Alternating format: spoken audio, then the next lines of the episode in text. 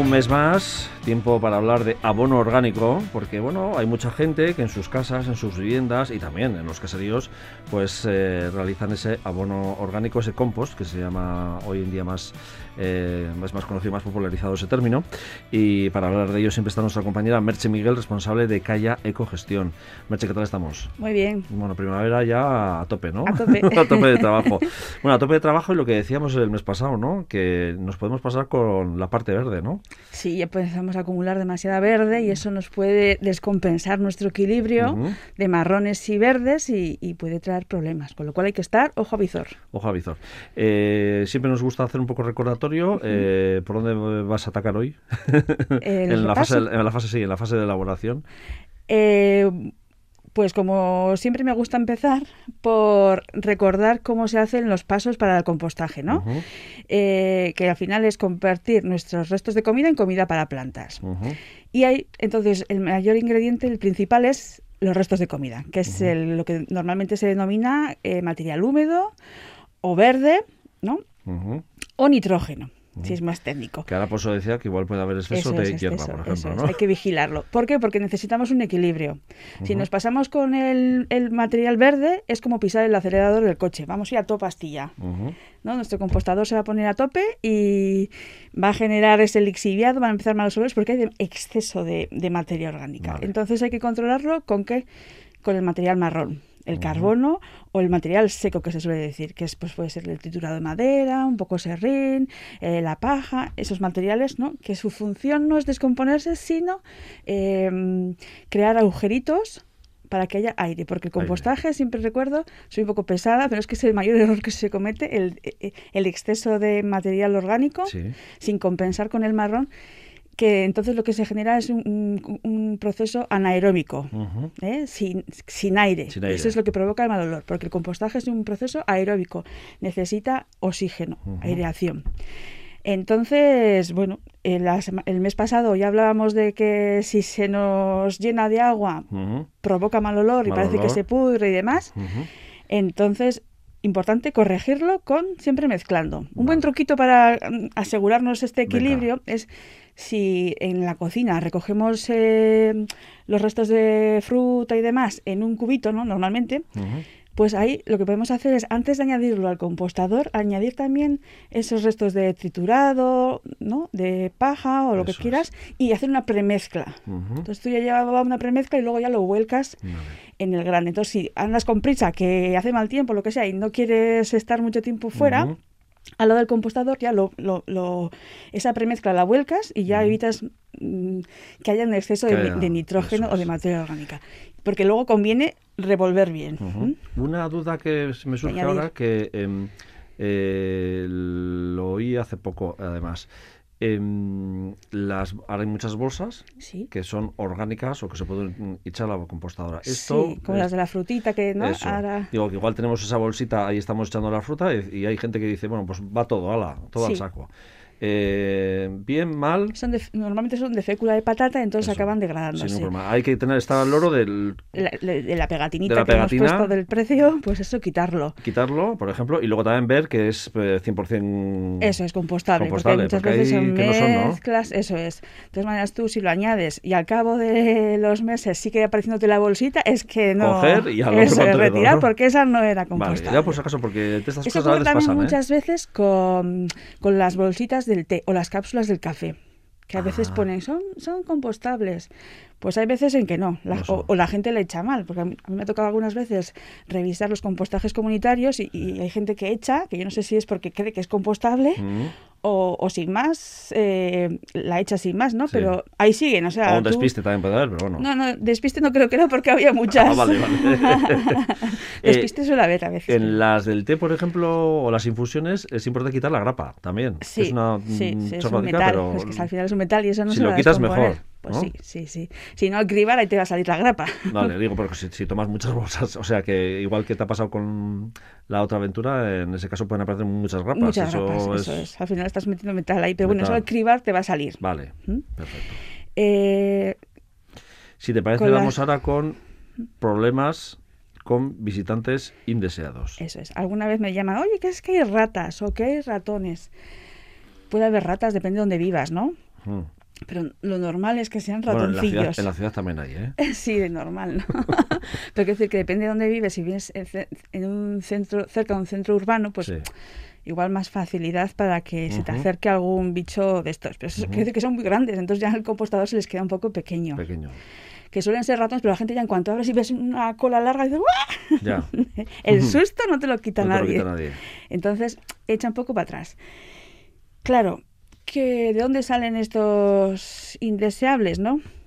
Pues al final es que el compostador para ellos es un hotel, un hotel de cinco estrellas, porque es un sitio calentito, porque el compostaje desprende calor, Claro.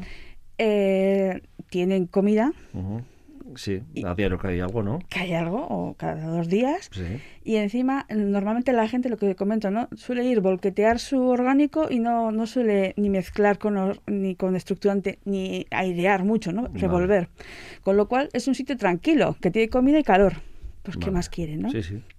Entonces, claro, yo entiendo que el que va le da un yuyu.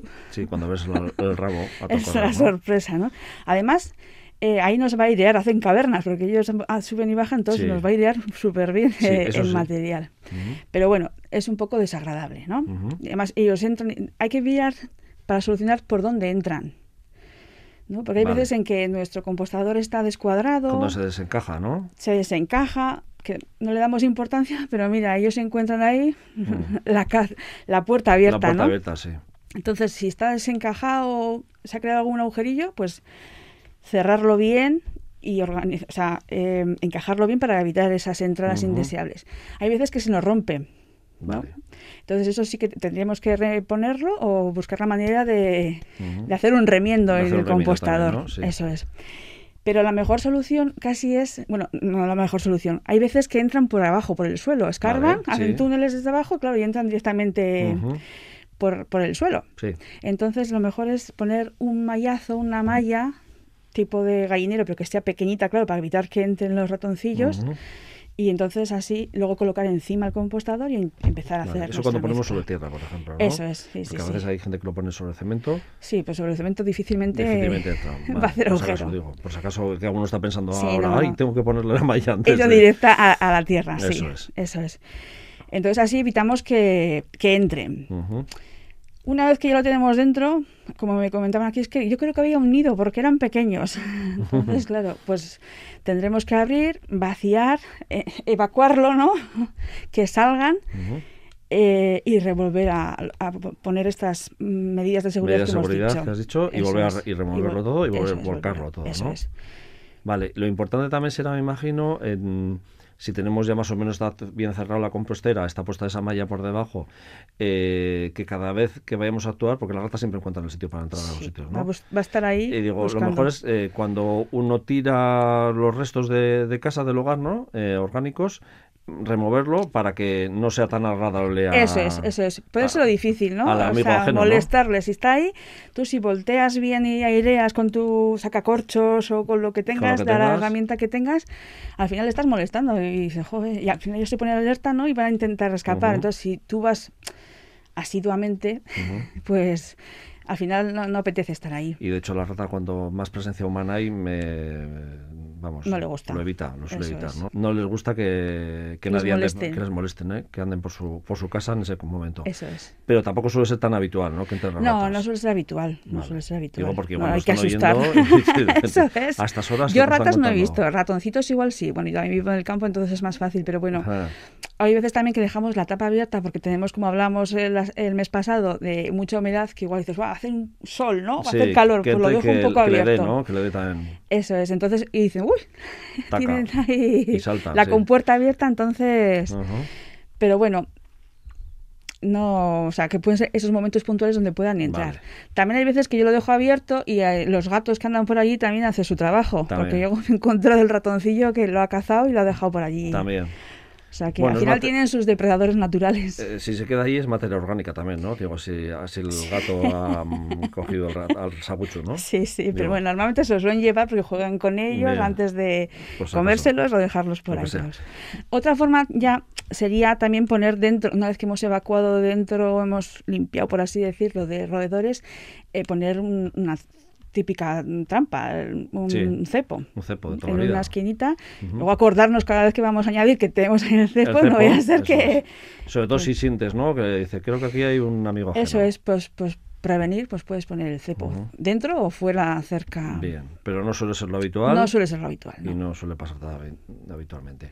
Estamos eh, abril, que es un mes en las que ya estamos a, tope, ¿no? Eh, eh, la verdad es que abono orgánico aportes de abono orgánico a partir de ahora son buenos a nuestros cultivos, ¿no? Sí, sí, sí, sí. Podemos ir añadiendo, si ya lo tenemos, claro, siempre decimos por arriba, por la parte de arriba añadimos, ¿no? En la materia orgánica y eso mm, no es mágico, lleva su tiempo, hay que tener paciencia para conseguir el compost, pero igual la parte de abajo ya lleva mucho tiempo ahí haciéndose, entonces suelen tener unas aberturitas por abajo que puedes mirar a ver qué tal está si sacas un poco, huele a tierra, ves que hay bichitos, pero bichitos de lombrices. Eso es, que están trabajando. Eso es, ahí no.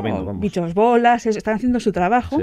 Y huele a tierra, entonces ya lo puedes utilizar, está maduro. Entonces podrías extraer de ahí y, a las macetas, a las macetas, a, los frutales, echarles ahora que también. eso es. O, ir preparando la huerta. O los, que, van muy adelantados con la huerta o tienen invernadero, ¿no? Pues que le echen al culo también a, esas primeras plantas que se están poniendo, porque lo que le permite le aporta, ¿no? Es una Eso es. O a los trasplantes que hemos hecho de los semilleros también, pues también, le añades un poquito más. Un poquito más, que es la época idónea. Eso es también hay veces que es muy complicado eso de sacar por la parte de abajo. Vale. Que se lo ponen como muy fácil cuando, no, abre abajo y sacas, pero no suele ser nada cómodo. Vale. Yo por eso recomiendo que habiendo sitio tengamos dos composteras o dos zonas de compostaje. Eso te decir, ¿no? que es lo ideal. Es lo ideal ¿no? Que así cuando tú ya tienes una bastante completa, bastante llena, la dejas que madure, que ya le dejas estar ahí su tiempo, le controlas la humedad, lo volteas de vez en cuando, pero la dejas ya que el proceso continúe y en la segunda empiezas a añadirle y empiezas a, ahí a añadir lo, orgánico. y así ya es más fácil abrirlo entero, quitarlo. sabes y, que estás vieja tal, o igual la parte de arriba igual todavía no está del todo, pero dices, bueno, pero más o menos Eso es, como hay que cribarlo. Hay que cribarlo, pues ya está. Pues la parte que esté más todavía, que pero bueno, hay que esperar unos seis meses, ¿eh? Pues digo. No, hoy, la semana pasada ya lo, lo uso. de verano pasado, pues ya más o, menos. Mucho mejor, Pues ya puede ir la cosa. y además porque hemos pensado pensando ya en primavera, ¿no? Para esos aportes. Aunque luego también hace falta aportes en verano también, ¿eh? Sí, sí, sí, hay que acompañar un poquito porque es que es, como la despensa del suelo, entonces ellos, las plantas van comiendo y mm. la despensa se va... hasta en macetas, ¿no? Que a veces se queda como mermada toda la tierra y... Eso, se queda compacta y al final eso, eso van comiéndose de ahí mm. todo el alimento y hay que reponer esa despensa. Bueno, pues abril hasta aquí, eh, que nos hemos adelantado casi ya pensando en verano, pero poco a poco. Eh, y la próxima cita con Merche Miguel, responsable de Calla Ecogestión, pues allá por, por mayo. Es que con Merche. Vale, agur.